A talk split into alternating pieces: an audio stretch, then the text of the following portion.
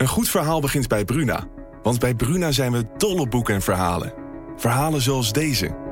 De slagen van de noodklok dreunen over het dorp. Zwaar en dreigend. Ze overstemmen de gemoedelijke drukte op de markt. En alle handelingen vallen stil. Wat zou er aan de hand zijn? vraagt Oda ongerust. Wil jij weten hoe dit afloopt? Je leest het in Bloedlijn van Simone van der Vlucht. Nu bij Bruna. Dit is Washington Calling, Remember who in God's name we are. This is the United States of America. de Amerika-podcast van de Telegraaf.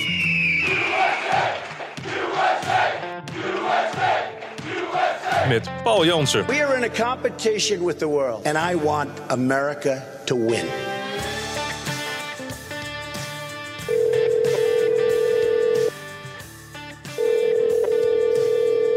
Goeiedag, Paul. Hey Thomas, hoe is het? Goeiedag. Ja, nou, ik zou zeggen, another podcast, another crazy week. Om het in onvervalst Amerikaanse one-liner te vatten.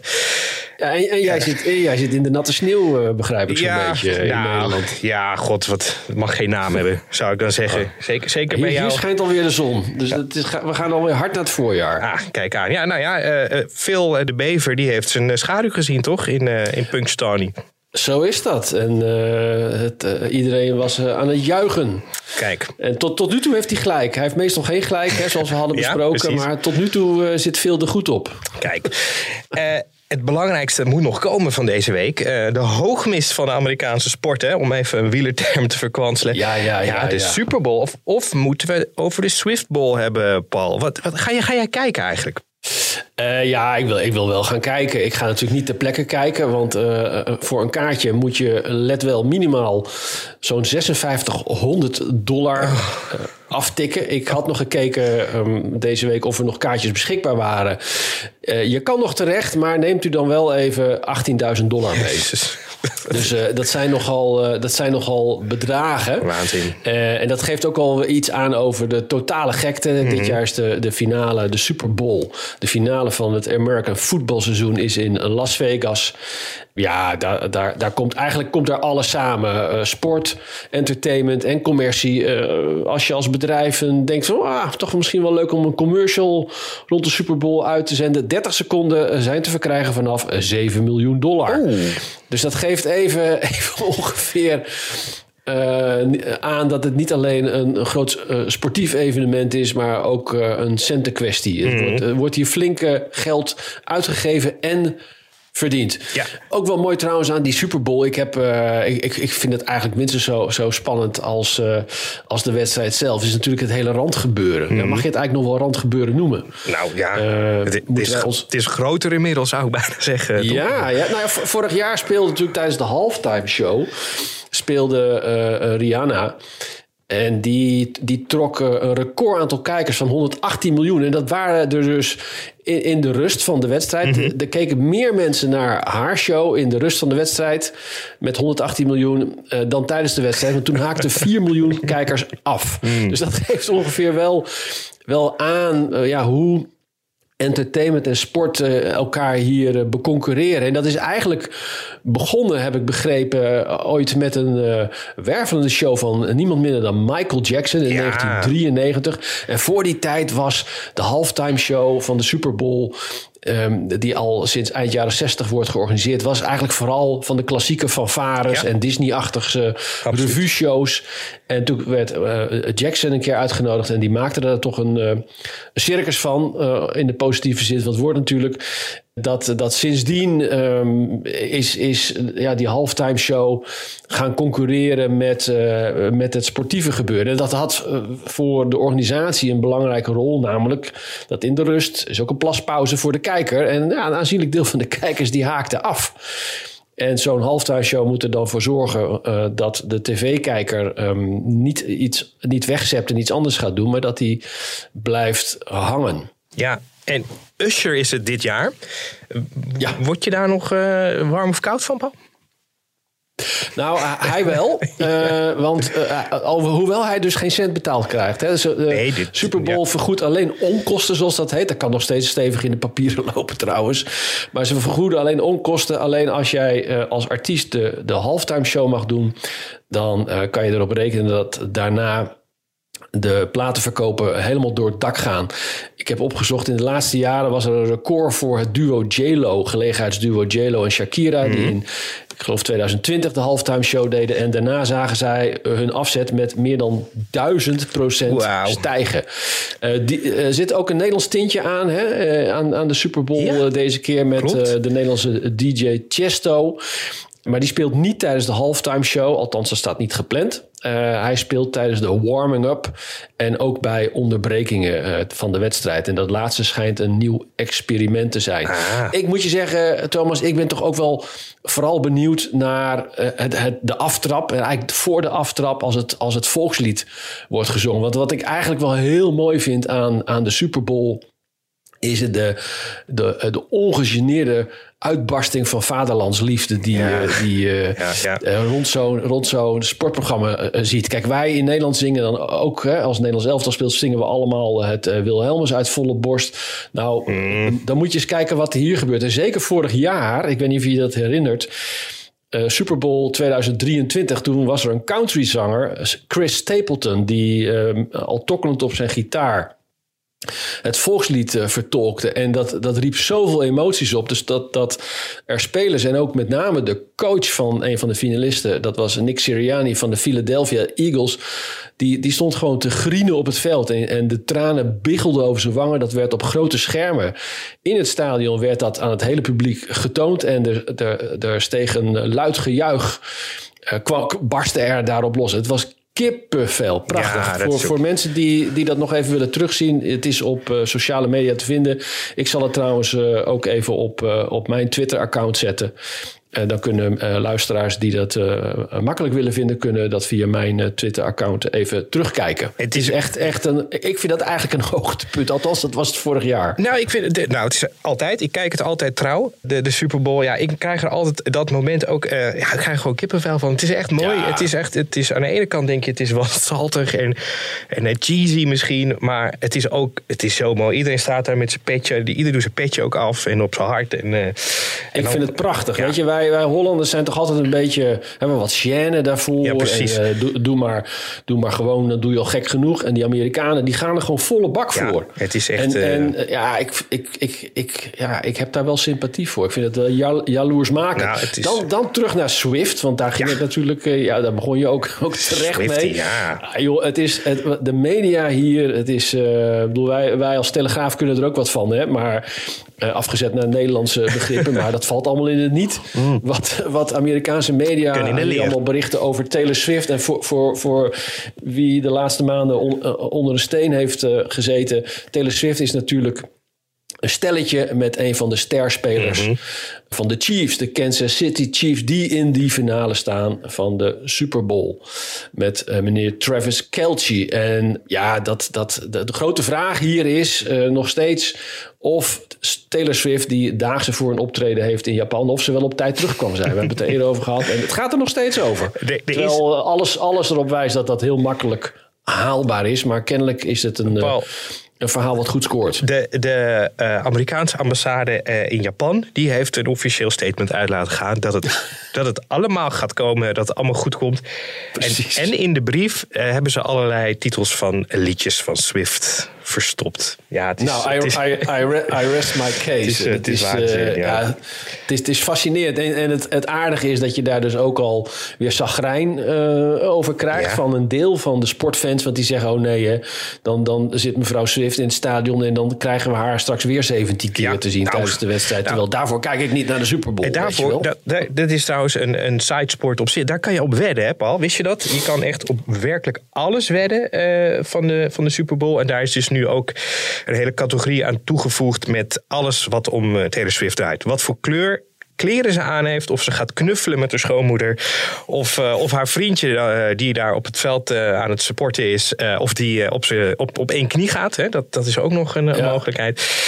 ja, het is, het is waanzin. Het is, nou, en, en, en er nog aan, aan, aan toevoegend, ik heb er ook één gevonden.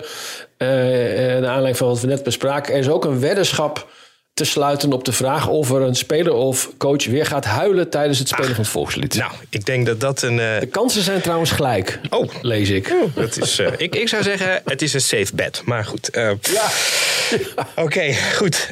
nou, laten we door met, met de echte belangrijke zaken. Want, want er is genoeg te bespreken, Paul. een jury, ja, die boog zich over de vraag afgelopen week of de moeder van een schoolshooter zelf ook schuldig was. En kwam tot een historisch oordeel. Washington, ja ja, dat stond weer figuurlijk in lichterlaaien met allerlei politieke chaos en juridische tegenslag voor Trump.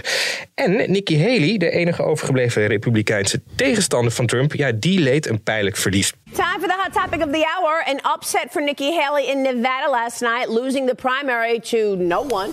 Almost 63% of Republican primary voters selected none of these candidates instead of selecting Haley.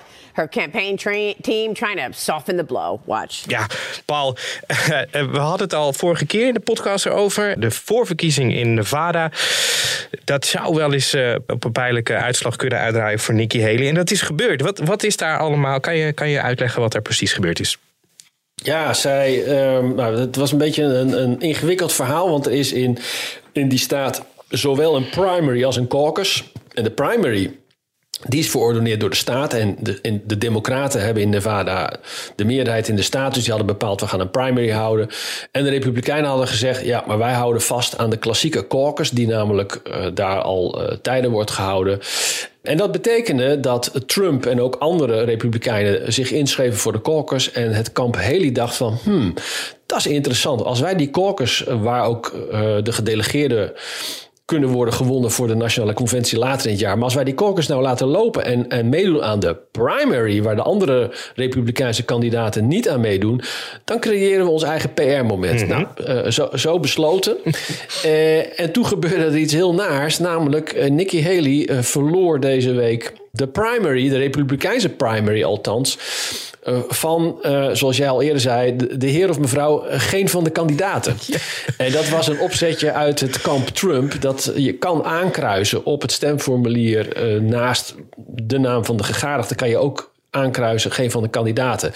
En uh, een ruime meerderheid uh, heeft dat gedaan, waardoor Haley haar PR-moment in rook zag opgaan en, en een, een, een wel heel, heel, heel pijnlijke nederlaag ja. uh, leed op deze manier. We moeten, en de grote vraag is natuurlijk ook nu van ja, en, en hoe nu verder? Wel aardig is dat natuurlijk uh, Trump, die gaf meteen een persbericht. Uh, zijn campagne gaf meteen een persbericht uit. En die noemde dat Kiss of Death. en daar kwam ook de, de bijnaam um, van Nikki Haley naar voren. We hadden hem eerder nog niet heel vaak gehoord. Maar hij komt de laatste tijd komt hij vaker boven. En zij werd dan ook in het persbericht Bird Brain. Bird Brain. Uh, genoemd. Dus nou, allemaal heel, heel gezellig. Maar uh, mevrouw Birdbrain die uh, weigert de handdoek in de ring te gooien. vooralsnog blijf ik als disclaimer mm. elke keer zeggen... ja, en, en dan gaat het straks gaat het richting South Carolina, haar thuisstaat... En ik denk, ja, joh, wat, wat is dan het keerpunt voor jou in de campagne? Want volgens de peilingen is ze in haar eigen thuisstaat ook kansloos. Daar staat ze nu achterop Trump. Trump staat op 58% en Haley op 32%. Dus dat is ook een gapend gat. Absoluut. En je denkt dan van, joh, ben je niet langzamerhand in een vlek aan het wrijven die, die, die steeds... Uh, ja, uh, steeds uh, smeriger wordt, om het maar zo uh, te zeggen. Ja. Nou ja, richting, dan krijgen we natuurlijk nog een Super Tuesday. Daar, mm -hmm. daar kijkt iedereen ook naar van, ja, dat zou toch wel moeten markeren als Nikki Haley in de race blijft, of er dan nog kans is. Terwijl de goede gemeente inmiddels uh, wel denkt dat ze kansloos is. Maar alles draait natuurlijk ondertussen. Waarom blijft ze in de race? Uh, A.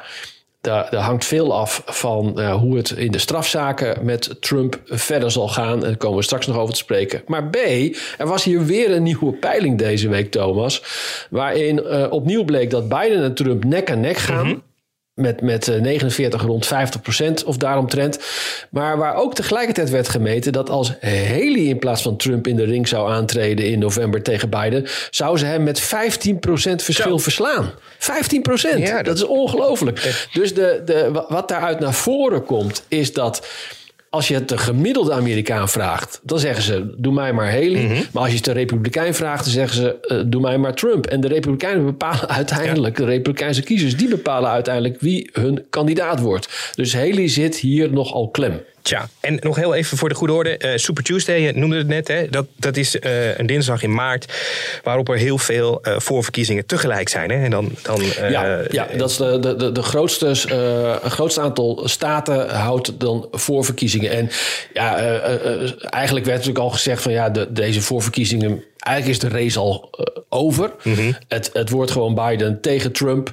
Eh, maar ja, zeg nooit nooit. Eh, zullen ze in het kamp eh, Haley denken. En het belangrijke is hier, en daar hebben we weinig zicht op. Het hangt er heel erg vanaf wat, haar, ja, wat de geldschieters achter haar campagne vinden. Als die blijven zeggen, joh, doorgaan, doorgaan, doorgaan, dan ja, kan ze het langer volhouden. Maar op het moment dat zij zeggen, ja, dit is kansloos, we stoppen ermee, ja, dan houdt de geldpot droog dan op en dan is het snel afgelopen. Absoluut. Nou, het, is, het, is, het blijft toch dan enigszins spannend.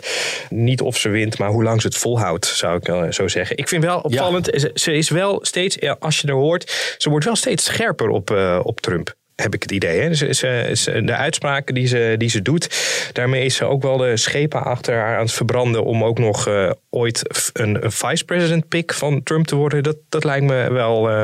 nou, dat lijkt me eigenlijk wel verkeken. Nou ja, dat zou je zeggen. ehm, eh, maar het is, uiteindelijk is dit allemaal politiek, hè? Ja. En ja. eh, we hebben vaker gezien in de politiek dat eh, eh, topspelers elkaar voor verrotte vis uitmaken. En uiteindelijk toch elkaar in de armen vallen om, om de macht te kunnen delen. Dus niets is uitgesloten. We hebben het in Nederland hebben we het, hebben we het ook gezien met, met meerdere verkiezingen en, en formaties. Ik zal niet vooruitlopen op. op de, de lopende formatie in het verre Nederland. Eh, Minstens zo interessant als wat. Absoluut. wat er hier gebeurt. Maar ik, dus, dus je, je kan het niet uitsluiten. eh, Maar het valt inderdaad op dat Haley ja, wat eh, een hardere koers is gaan varen over Trump. Ook, ook de laatste tijd begint niet alleen over zijn leeftijd, maar ook over zijn, zijn geestelijke Ja, gemoedstoestand. En eh, toch begint te wijzen van ja, hij maakt fouten, hij is niet scherp meer. Nou, dat, dat, dat trekt Trump heel slecht, zoals je weet. Eh, aan de andere kant, eh, het kamp Trump eh, is ook niet. is ook, laat zich ook niet onbetuigd, om het maar zo te zeggen. Hè? Met, met dit, die teksten die ik net noemde, Bird Brain. En ook bij herhaling wijzen op haar Indiase afkomst en haar, haar voornaam, Haar verkeerd. Indiase voornaam, ver- bewust verkeerd, verkeerd verhas, bewust verhaspelen. Ja, weet je, dat, dat, is, dat is ook wel onder de gordel. Zeker. Maar goed, Maar dat, dirty kijk, politics is ook politics. dat, dat wisten we, hè, dat wisten. Maar dat er dus ook, ja, nou ja, goed, dat het ook eh, dat het teruggedaan kan worden, dat is misschien een beetje nieuw eh, voor, voor Trump. She doesn't kiss the ring yet. Dat, eh, Nee, dat mogen we wel dat. zeggen. Nou goed, dan door naar, nou ja, naar de, de big kahuna zelf, Donald Trump. Want die kreeg, ja, nou, die had een juridische tegenslag. Kunnen we dat zo omschrijven, Paul? Dat, dat zijn immuniteit die hij wenste niet doorging. Nee, dat klopt. Waarbij ik wel eh, eh, moet aantekenen dat natuurlijk eh, uiteindelijk de vraag was hoezeer het, de, de advocaten van Trump zelf geloofden dat dat van toepassing zou zijn. In de kern gaat het erom dat ehm, de, het team Trump heeft gezegd... eh, ja, in, in de strafzaak rond eh, de vermeende pogingen van, van Trump... om de verkiezingsuitslag eh, ongedaan te maken. hè, wat, wat uiteindelijk eh uitmondde in de bestorming eh, van het congres op 6 januari. Waar op dat moment het congres bijeenkwam om de verkiezingszegen van Joe Biden te bekrachtigen. En Trump zou onder andere die opruiende toespraak hebben gehouden, maar zich ook aan andere zaken in de aanloop daarna schuldig hebben gemaakt. En, maar goed, Trump was in die dagen nog zittend president. En het betoog van de verdediging was: ja, een, een president is immuun voor, eh, of geniet immuniteit voor vervolging. En dus kan Trump, hoewel hij inmiddels oud-president is, kan die niet worden vervolgd. Nou ja, dat, dat is eh, eh, naar de prullenbak verwezen. Aanvankelijk al door federale rechter en nu ook door een appeals court.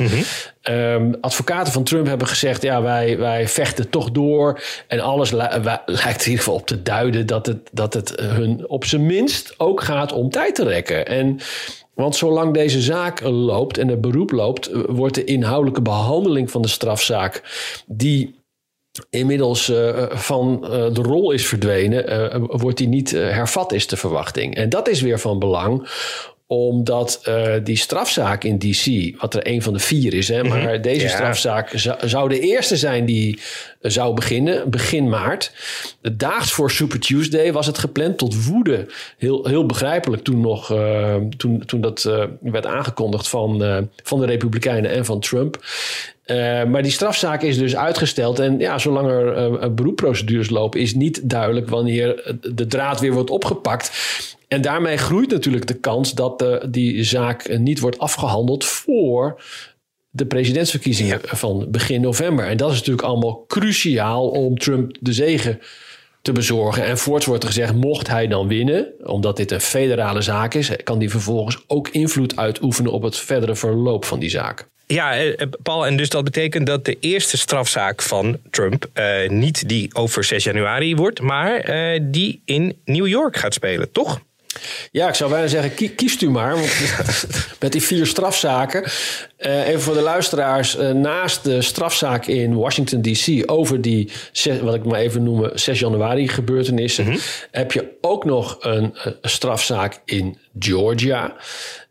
Dat gaat grosso modo over dezelfde verkiezingsmanipulatie, verkiezingsfraude, pogingen. maar dan in de staat Georgia. Dat is ook geen federale zaak. Nou, die zaak is uit de rails aan het lopen uh, door die uh, spraakmakende affaire tussen aanklagers die nu uh, daar ook over moeten gaan getuigen. En dan is er nog een zaak in Florida, dat, dat is de zogeheten documentenzaak. Mm -hmm. Dat gaat over vertrouwelijke documenten die Trump had achtergehouden en, en niet had willen teruggeven. Dat is een derde strafzaak. Daar is ook al vertraging uh, in uh, gekomen. De, op dat uh, de rechter de aanvankelijke geprikte datum heeft verschoven. En daardoor komt nu plotseling de strafzaak in New York. Er is ook nog een civiele zaak in New York. Dat gaat dus over, over fraude die ze oh. hebben gepleegd rond de waarde van zijn bezittingen. De strafzaak in New York die gaat over betaald zwijgeld aan pornoster Stormy Daniels. Dat is ja. een zaak al uit 2016. Het aardige daarvan is dat de aanklager, dat is meneer Bragg, uh, een, de oud aanklager in New York, in de strafzaak, dat is ook weer een democraat, eh, niet onbelangrijk. Eh, die had eerder gezegd van ja, ik wil mijn strafzaak wel uh, parkeren om andere strafzaken voorrang te geven.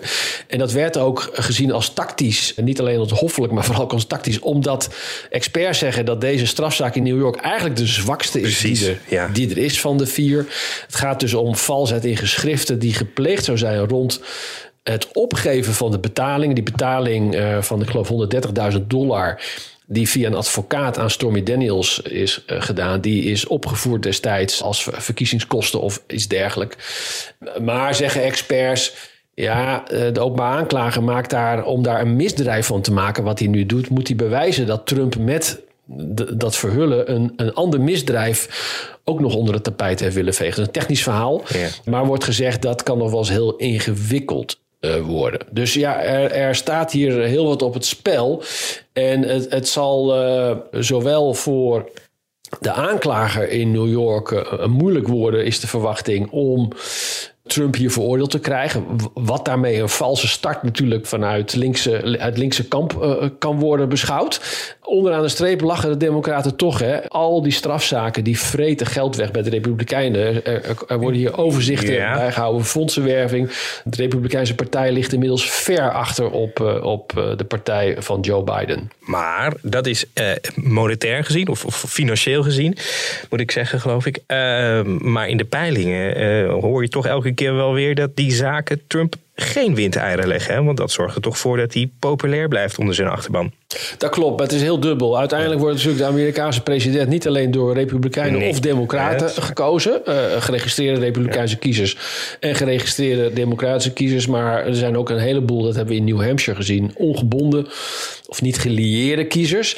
Ja, het klopt dat uh, de populariteit van Trump ziender ogen is gegroeid met al die strafzaken die op zijn uh, weg kwamen. Tegelijkertijd laten de peilingen ook zien dat mocht Trump voor de stembusgang van 5 november veroordeeld worden in een strafzaak, dus niet in een civiele zaak, mm -hmm. maar in een strafzaak, dan keert een flink deel van de mensen die voor Trump nu zou willen opteren, die keert zich dan van hem af.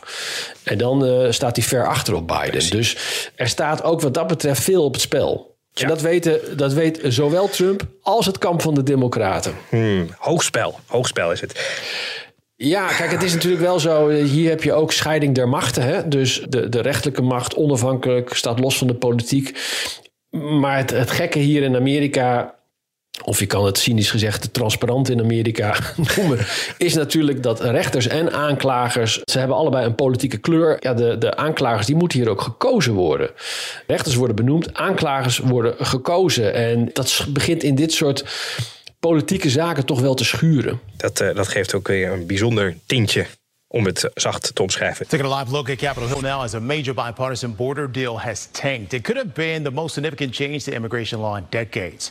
Senate Republicans blocked the deal from advancing late this afternoon. President Biden slammed the GOP while speaking in New York today.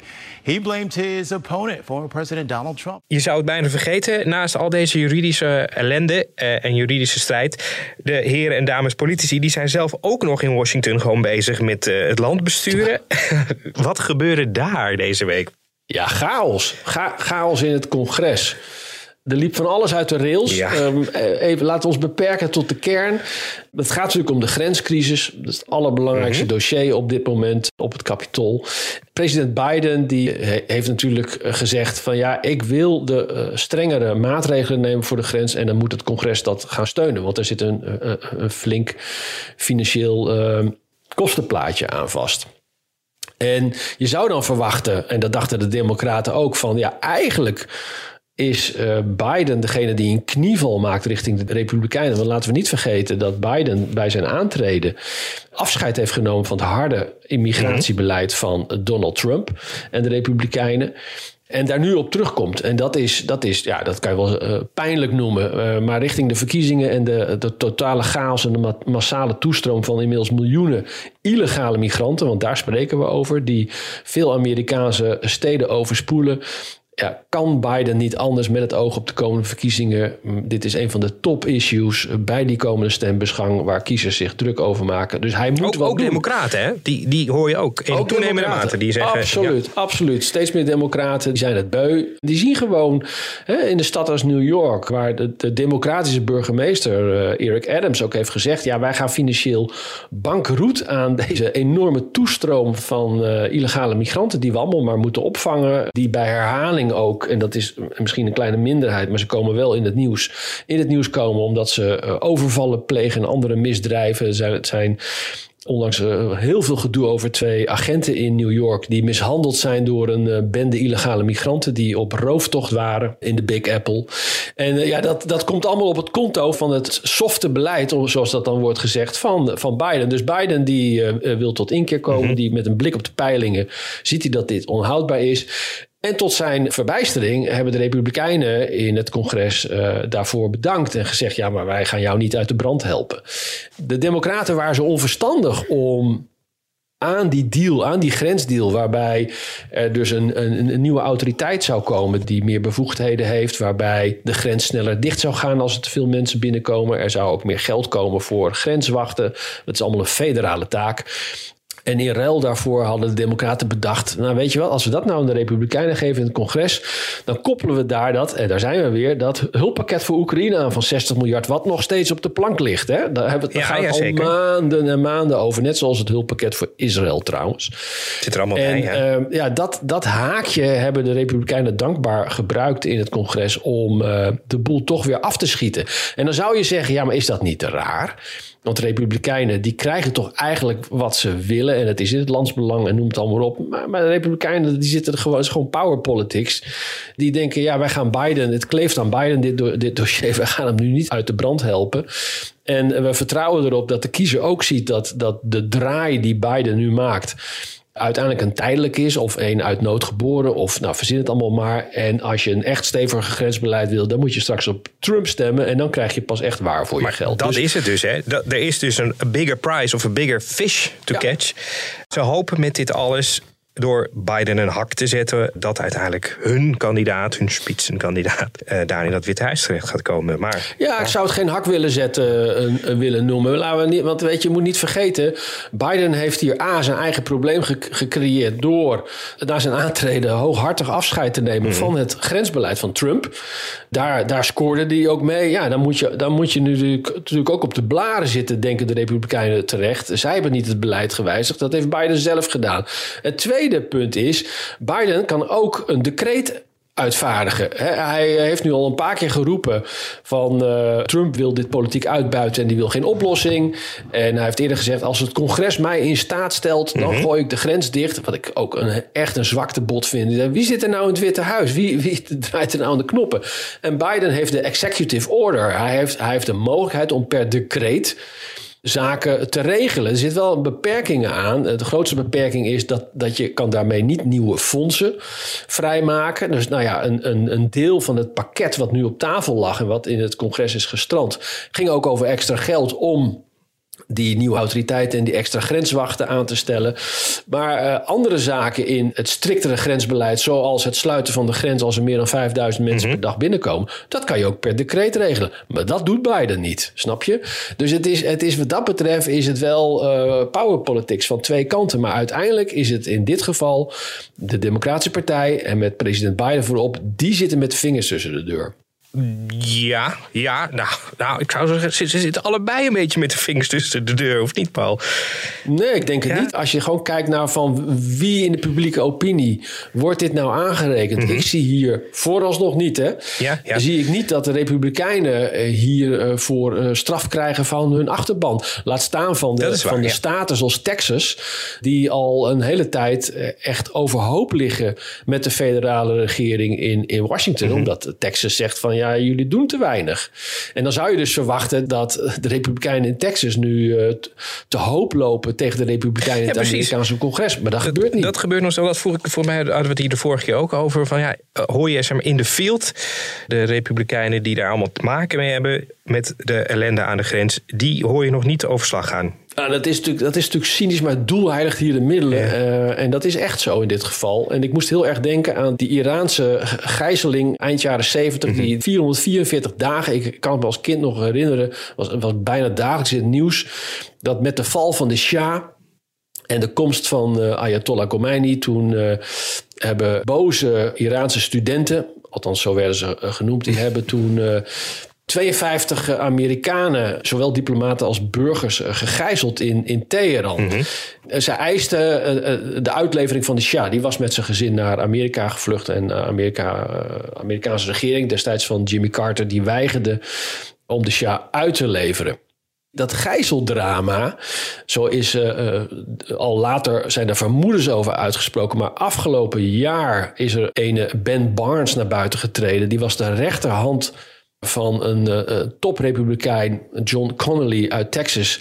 En die heeft uh, onthuld dat hij samen met die Connolly op een geheime missie naar het Midden-Oosten ging om een deal met de Ayatollahs te sluiten namens de Republikeinen. Er waren toen in 1980 er waren er ook presidentsverkiezingen. En namens de Republikeinen was daar Ronald Reagan de mhm. kandidaat. En deze Ben Barnes die uh, heeft onthuld dat hij op missie was, op een geheime missie, namens de Republikeinse Partij, om met de Ayatollahs een deal te sluiten dat ze maar even moesten wachten met het vrijlaten van die gegijzelden, omdat ze als Reagan de verkiezingen zou winnen, dat ze dan een betere deal konden sluiten. En nou ja, dit is heel lang ontkend, maar, eh, maar er zijn door de jaren heen... hartstikke illegaal zoiets? Dat zou toch allerlei federale wetten dit moeten voorkomen? Of, of...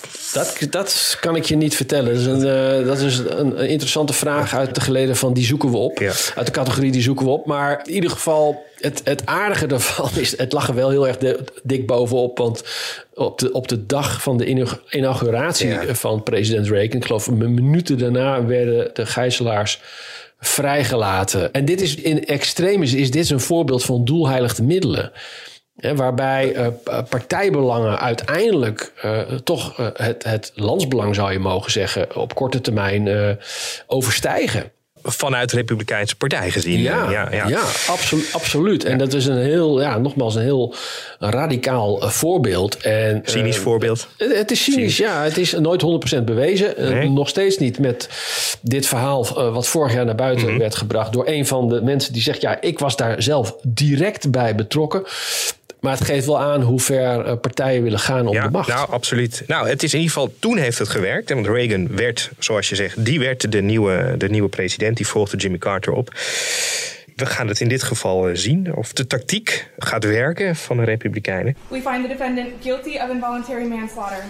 Jennifer Crumbly silent and stoic as the jury announced her fate.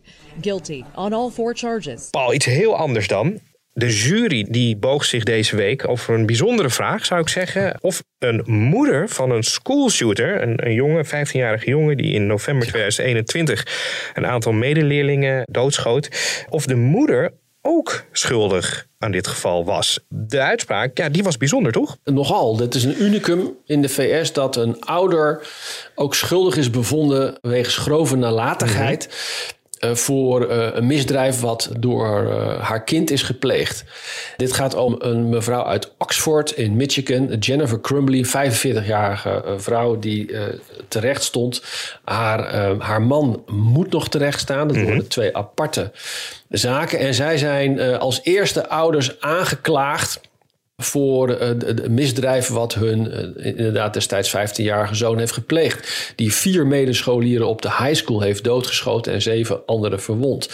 En waarom zijn zij nou aangeklaagd? Ja, ten eerste hadden zij het wapen gekocht voor hun zoon, mm uh, waarmee hij de moorden pleegde. En minstens zo belangrijk is dat de openbaar aanklagers zeiden... ja, deze ouders hebben allerlei signalen die wezen op naderend onheil... hebben ze genegeerd. Zo had die zoon, die had, uh, zo bleek uit opgedoken appverkeer... die had, was, had tegen zijn moeder gezegd dat hij... Een spook of een duivel in huis zag. Nou, die moeder had het mm. allemaal uh, weggelachen. Hij had een tekening gemaakt op school met allemaal bloed en wapens. En daar had hij ook uh, teksten opgeschreven als van... De, ik zie bloed en ik, ik wil schieten op school. Mm. Nou, ook, ook genegeerd. Die moeder die, die heeft twee dingen gezegd. A, de school deed niets. En B, die heeft zelf in de getuigenbank... terugkijkend op de gebeurtenissen... denk ik niet dat ik het nu anders zou doen... Dat viel niet lekker mm. bij de jury. Met name die uitspraak, zo heeft een anoniem jurylid uh, achteraf gezegd, heeft er aan bijgedragen dat zij schuldig is bevonden. En ja, het is ook Amerika, dus de openbaar aanklagers die gaan dan ook even lekker vroeten in iemands privéleven. Uh, en wisten te vertellen dat deze moeder uh, meer druk was met haar hobby's. En die hobby's bestonden dan uit paarden en tromgeroffeld een buitenechtelijke relatie ah. met een lokale brandweerman. Oh, nee. En dat wordt dan ook allemaal oh, in gebeuren. wordt dat uit de doeken gedaan en hoe ze, hoe, waar ze elkaar ontmoeten, wel of niet, oh, tijdens werktijd. En, en dat ze samen op een een of andere swinger-app zaten. Nee. Nou, het is, het is iedereen zit dan weer met, met rode oortjes dat aan te horen. Lang verhaal kort. Deze moeder is door de jury schuldig bevonden. Ze kan 15 jaar cel krijgen. En dat is dus uh, voor het eerst. Er moet nog een strafmaat worden bepaald. En dat uh, gebeurt in april. De vader die komt volgende maand uh, voor de rechter. Mm. Ik denk ook dat het goed is dat het gebeurt. De maat is een keer vol. Als je ziet hoe hier met wapens wordt omgegaan in dit land. Dat ouders ook verantwoordelijk worden gehouden voor de gruwel daden van hun ja. kids. Ik heb, het even, ik heb het even opgezocht voor jullie in Nederland. Want het, het staat hier amper in de, op de radar. Laat staan in Nederland. Er zijn dit jaar, en het is pas begin februari, er zijn dit jaar in Amerika al 37 mass shootings geweest. En een mass shooting hier is een schietpartij met minstens vier doden mm -hmm. en of gewonden. Er zijn dit jaar, het is pas begin februari, 22 school shootings geweest, waarvan er zeven met gewonden en of doden. Ik kan je vertellen, deze week kreeg ik nog een mail van de school van mijn eigen zoon van de high school. En dan wordt dan even uit de doeken gedaan. Ja, we hebben een, uh, een dreigement binnen, binnen gehad. Want de school had verordoneerd dat iedereen uh, die nog de school binnen wilde een pas moest hebben. En er waren kennelijk tijdelijke passen. En dat mocht niet meer. Het moest een vaste schoolpas om de school uh, binnen te mogen. Nou, heel normaal. Een van de leerlingen vond dat niet zo een leuke boodschap. En die had dus een mail gestuurd naar de school van... als jullie willen dat ik mijn pas mee moet nemen... dan krijg ik zin in om de hele boel kapot te schieten. Nou ja, weet je, eh, en, dan, en dat gebeurt dan in dezelfde week dat ik zo'n vonnis lees. En dus ook, ook lees wat de signalen waren die die moeder had genegeerd. Dus ja, joh, wij, wij staan dan alweer, alweer op onze achterste benen. Met name ook omdat de school dan zegt... ja, we hebben de politie geïnformeerd en die vond het niet credible. En ja, Ja. ik- ik- ja, weet Het, je? is, het, is, ik, het lijkt me zo moeilijk bij zoiets van ja, wat is, wat is baldadigheid? Hè? Want dat is het natuurlijk ook. Een stomme puber die gewoon denkt: ik ga even de boel op stel te zetten met zo'n met zo'n mail. Of inderdaad, wat je dan bij deze 15-jarige jongen eh, uit eh, Oxford eh, hoort. Ja, dat is totale, daar zat een totale enge gekte achter wat er speelde. Nou ja, ik kan je dit zeggen. Er is niets baldadigs aan. Ik ben natuurlijk zeer subjectief in deze zaak. dat omdat, het, omdat het iets treft wat mijn e- eigen kind raakt. Dat snap ik. Eh, maar er is niets baldadigs aan eh, het verkondigen van dit soort bo- Nee. boodschappen. In een klimaat waarin je weet hoe ernstig het Mhm. is. En hoe vaak, hè, 22 schoolshootings dit jaar. Het is een beetje hetzelfde, dezelfde, van dezelfde categorie als, als dat, je, dat je denkt dat het nu nog baldadig zou zijn om in een vliegtuig te roepen dat je een bom bij je hebt. Weet je? Dan, Ja. dan ben je gewoon niet goed bij je hoofd en dan vraag je gewoon om, om problemen. En ja, ik vind in dit geval ook, eh, vraag me dan af, maar daar krijg je dan weer geen antwoord op, want dan komt de privacy om de hoek kijken en dan zijn, schieten Amerikanen helemaal door de andere kant op van, wordt zo'n gozertje dan op zijn minst toch wel gestraft, Ja, dat- neem ik aan. Het dat- enige wat ik lees, de ouders zijn geïnformeerd. Hmm. En ik heb, we hebben het al eerder over gehad dat hier een paar scholieren betrokken waren bij carjackings, Ja. gastjes van 15, 16 jaar, die een, een vrouw bij een stoplicht gewoon een pistool in de mond hebben gestopt. Hè? Even hoe sadistisch je dan bent. waanzin. En die gastjes waren een dag nadat, nadat het gebeurde en ze waren opgepakt, liepen ze gewoon weer op school rond. En ouders krijgen verder niets te horen wie het zijn en hoe en wat. In Amerika, het is zo fucked up. Er wordt gewoon zo slap opgetreden tegen crime, zeker eh, onder minderjarigen. En dat is hier, eh, hier zeker in Washington een grote discussie. Ook met carjackings, waar ook tieners omkomen. Omdat er gewoon automobilisten zijn die zich verdedigen en schieten. Ja. Er is hier al een ventje van 12 doodgeschoten tijdens een poging tot carjacking. 12 jaar. Jezus. En het was niet zijn eerste carjacking. En dan krijg je Oh. de discussie. Waarom loopt zo'n ventje weer op straat rond? Waarom worden tieners die eh, soms 5, 6, 7 carjackings plegen... waarom worden die niet opgesloten? Daar is heel veel discussie over. En trouwens diezelfde discussie gaat... en dan kom ik weer terug bij die mishandelde agenten in New York de gastjes, die, de illegale migranten, die deel uitmaakten van de roversbende, die daar die agenten mishandelden, omdat ze een van hun maatjes wilden arresteren, die werden zonder borg gewoon weer meteen vrijgelaten. En dat is allemaal, eh, heeft dat te maken dat in heel veel democratische staten en steden eh, zijn eh, bijvoorbeeld winkelroven zijn niet geen misdrijf, meer, maar een overtreding. En, waarom- waarom is dat?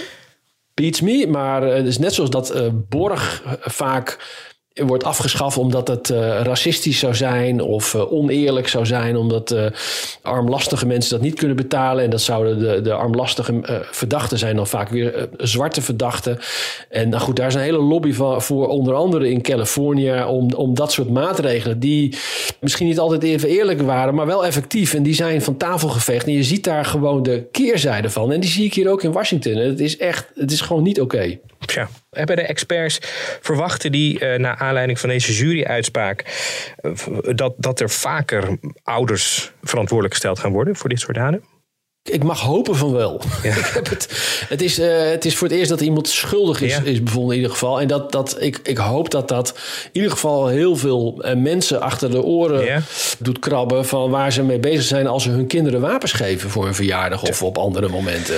Ja, dat is gewoon bizar. Het- Ook dat verschilt weer per staat, hè, wat er wel en niet mag. En los van of, eh, of het mag, eh, zijn er genoeg ouders die het gewoon doen... Eh, en dan houden ze het wapen bijvoorbeeld thuis. Ehm, eh, of het gaat om kinderen die formeel geen wapen hebben, maar er wel bij kunnen. Want er vallen heel veel doden ook door, omdat ze bij de wapens van hun ouders kunnen die niet goed zijn opgeborgen. Daar spelen zich ook eh, de nodige drama's onder af. En het zou, eh, even los van de, van de discussie over de wapenverkopen hier, waar je op de een of andere manier nooit uitkomt, omdat heel veel Amerikanen zeggen: ja, maar als, de, als er een verbod komt op wapens, dan raakt dat alleen de good guys, want de slechte, de, de bad guys, die komen toch wel aan wapens, weet je wel? En, en dan kan ik me niet meer verdedigen. En de, Nou, only one who stops a bad guy with a gun is a good guy with ja, a gun. precies. Nou ja, ik word moedeloos van dat soort argumenten. Maar die, ja, die, die schieten hier altijd, altijd wortel Dus ja, het is een beetje in die zin uitzichtloos. En ik hoop dat, dat, dat dit soort vonnissen misschien wel een verschil kan maken. Nou, wie weet dat dat iets in uh, werking eh, zet. Ik moet vooral denken, net toen ik 15 werd, toen kreeg ik een hele mooie voetbal van mijn ouders. Van mijn verjaardag. Waar ik heel blij mee was, dat weet ik nog. Ja, als je, als je, als je heel goed bent in voetbal, kan je er ook iemand heel hard mee raken. Ja, maar goed, dat is een ander verhaal. Dat, uh, ja, goed. Ja, Paul, naar je mediamoment. En nou, met de voetbal meteen een mooie, mooie bruggetje zou ik zeggen. Want wat is jouw mediamoment? Patrick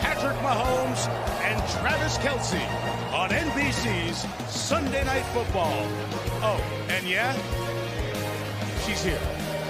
Taylor is in the house. And we thank you for having us into your house. Mike Tirico, Chris Collinsworth, Melissa Start. Hi, Swifties. We'll be with you all night. Ja, dat is toch wel, toch wel opmerkelijk. Dat is het bericht dat ESPN, Fox en Warner samen een streamingdienst voor sport beginnen. Was hier een vrij klein bericht in de, in de Amerikaanse media, maar niettemin heel belangrijk.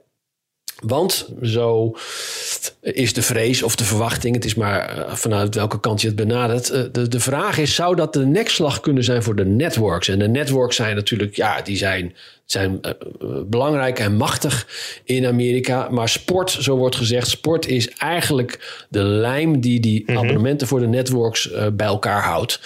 Deze nieuwe combinatie, die dus een streamingdienst begint, die heeft 55% van de Amerikaanse sportrechten. Dus dat gaat mm. wel om een substantieel deel. En als dat zou wegvallen uit het pakket wat de networks aanbieden. Bij de networks uh, moet je denken aan ABC, CBS, ja. NBC, Fox en HBO. Waarbij wel gezegd moet worden dat een aantal nieuwsvarianten, bijvoorbeeld ABC Nieuws of CBS Nieuws en NBC Nieuws, die kan je weer gewoon wel uh, via de streaming volgen. Maar het meeste zit gewoon achter een decoder. Mm -hmm. uh, maar sport is dus de drijvende kracht voor Amerikanen om een abonnement daarop op te nemen. Dus dit, dit zou wel eens de macht van de cable networks kunnen breken. En deel van die cable networks is niet alleen uh, vermaak, uh, entertainment, sport of andere zaken, maar ook nieuws. Ja. Uh, CNN en Fox News zijn de, de grote spelers hier. Ja, en dat zou dus ook hun positie kunnen raken. Dus eigenlijk daarmee, als er geen sport meer op tv is, dan, dan kijkt niemand meer tv. moeten we het zo zien? Nou, dan kijkt niemand meer kabel-tv. Kabel-tv, ja, sorry. Ja, en daar gaat het om. Dus wel goed ja. dat je dat nog even, even uh, aanstipt. Want er zijn gewoon ook open kanalen. Het, het grootste open news network, dat is ABC World News Tonight. Mm -hmm. Daar kijken gemiddeld uh, 8,1 miljoen mensen naar. Dat vind ik nog wel heel bescheiden hoor. Als ik dat afzet tegen de kijkcijfers die we in Nederland hebben. Uh, volgens die kijkcijfers, uh, ik, ik, ken misschien nog de oudere variant, kijken er s'avonds naar het NOS-journaal uh, tussen de anderhalf en twee miljoen mensen. Even ter vergelijking, Fox News, Fox News, het grootste nieuwsnetwerk in Amerika, heeft primetime gemiddeld 1,7 miljoen kijkers. Dus oh. ja, er, er, is, er, er, is iets geks aan de hand je dat met Nederland vergelijkt. Ik denk al heel lang dat die Nederlandse cijfers gewoon niet kloppen. Die zijn gewoon veel, veel te hoog. Of de Amerikaanse cijfers zijn veel te laag. Ja. Dat zou natuurlijk ook kunnen. Dat heeft A te maken met dat het nieuws is. Dat is toch. Uh, nieuws op de kabel is minder populair bij mensen. Zeker ook als je een open variant hebt, zoals ABC World News. Maar, maar dan, ook, dan nog met 8,1 miljoen valt dat ook nog wel mee. Als je kijkt naar de bevolkingsomvang hier, die in de honderden miljoenen, miljoenen loopt. Dus die cijfers zijn bescheiden. Maar het heeft ook te maken dat bijna elke stad en elke regio heeft nog wel zijn oh, lokale nieuwszenders. En die vreten, vreten ook veel kijkers weg. Maar goed, als de sport uit de kabelzenders uh, verdwijnt, zou dat dus wel uh, net, zo is de, de, de vrees of de verwachting hier, zou dat net die kabelnetworks uh, over de helling of over de klip kunnen duwen. Interessante ontwikkelingen in mediawereld. Oké, okay, Paul, we kijken nog even vooruit. Wat kunnen we verwachten volgende week? Ja, er is uh, allereerst een uh, hoorzitting in die, die uh, strafzaak rond Trump in Georgia. Mm -hmm. maar niet meneer Trump wordt gehoord, maar de openbaar aanklager Fannie Willis, die ehm, door een van de medeverdachten van Trump is ontboden om te komen getuigen over haar affaire met een andere door haar ingehuurde aanklager. Ja, dat zal wel weer uh, smullen worden voor... Uh, rode oortjes. Voor, rode oortjes weer uh, voor de Amerikanen. En het is natuurlijk ook smullen voor de verdediging. Want hoewel dit waarschijnlijk inhoudelijk natuurlijk niets afdoet aan de aanklachten die, die er liggen... is dit wel een grote beschadiging van het blazoen van de openbaar mm -hmm. aanklager. Dan is er een hoorzitting in verband met die startdatum voor de vermoedelijke eerste strafzaak van Trump in New York, waar we het eerder over mhm. hadden. En die hoorzitting moet bevestigen of die zaak inderdaad in april kan beginnen. En tot slot is er nog een uh, verkiezing rond de zetel die meneer George Santos in het ah, Huis George van Afgevaardigden Santos. heeft opengelaten met zijn smadelijke vertrek. Dat was ook rode oortjes. Maar dan op een jongen, andere manier. Jongen, jongen, jongen. Dat was vooral uh, diep, diep beschamend. Wat deze fantast allemaal uh, beweerde uh, te hebben bereikt en gedaan. En ja, democraten dachten daar spekkoper van te zijn. Nu meneer Santos de politiek heeft verlaten. maar het is met name weer door die grenscrisis... is de, de kans, zo wordt gezegd, is toch wel klein... dat de democraten deze zetel krijgen. En zij aasten daar natuurlijk op... omdat zij in het Huis van afgevaardigden minderheid hebben. En als zij die, met die, deze tussentijdse verkiezing de zetel van uh, de Republikein Santos zouden kunnen kapen, zou het gat weer eentje kleiner zijn. Dat gat is trouwens nog wel aanzienlijk hoor. Dus 219 voor de Republikeinen en 212 hmm. voor de Democraten. Maar ja, Elke stem telt. Ja, nou zeker met, uh, nou, met alle dynamieken die daar gaan, die daar heersen. Uh, met rechterflanken en de linkerflanken en alles. Inderdaad, elke zetel telt. En natuurlijk, Paul, niet te vergeten, zondag de Super Bowl. we begonnen ermee, we eindigen ermee. Paul, ik ga jou een goed weekend wensen. Luisteraars, bedankt. Abonneren op deze podcast, dat kan in je favoriete podcast-app. Doe dat vooral en dan horen jullie ons volgende week weer. Paul, tot volgende week. Dank, tot volgende week.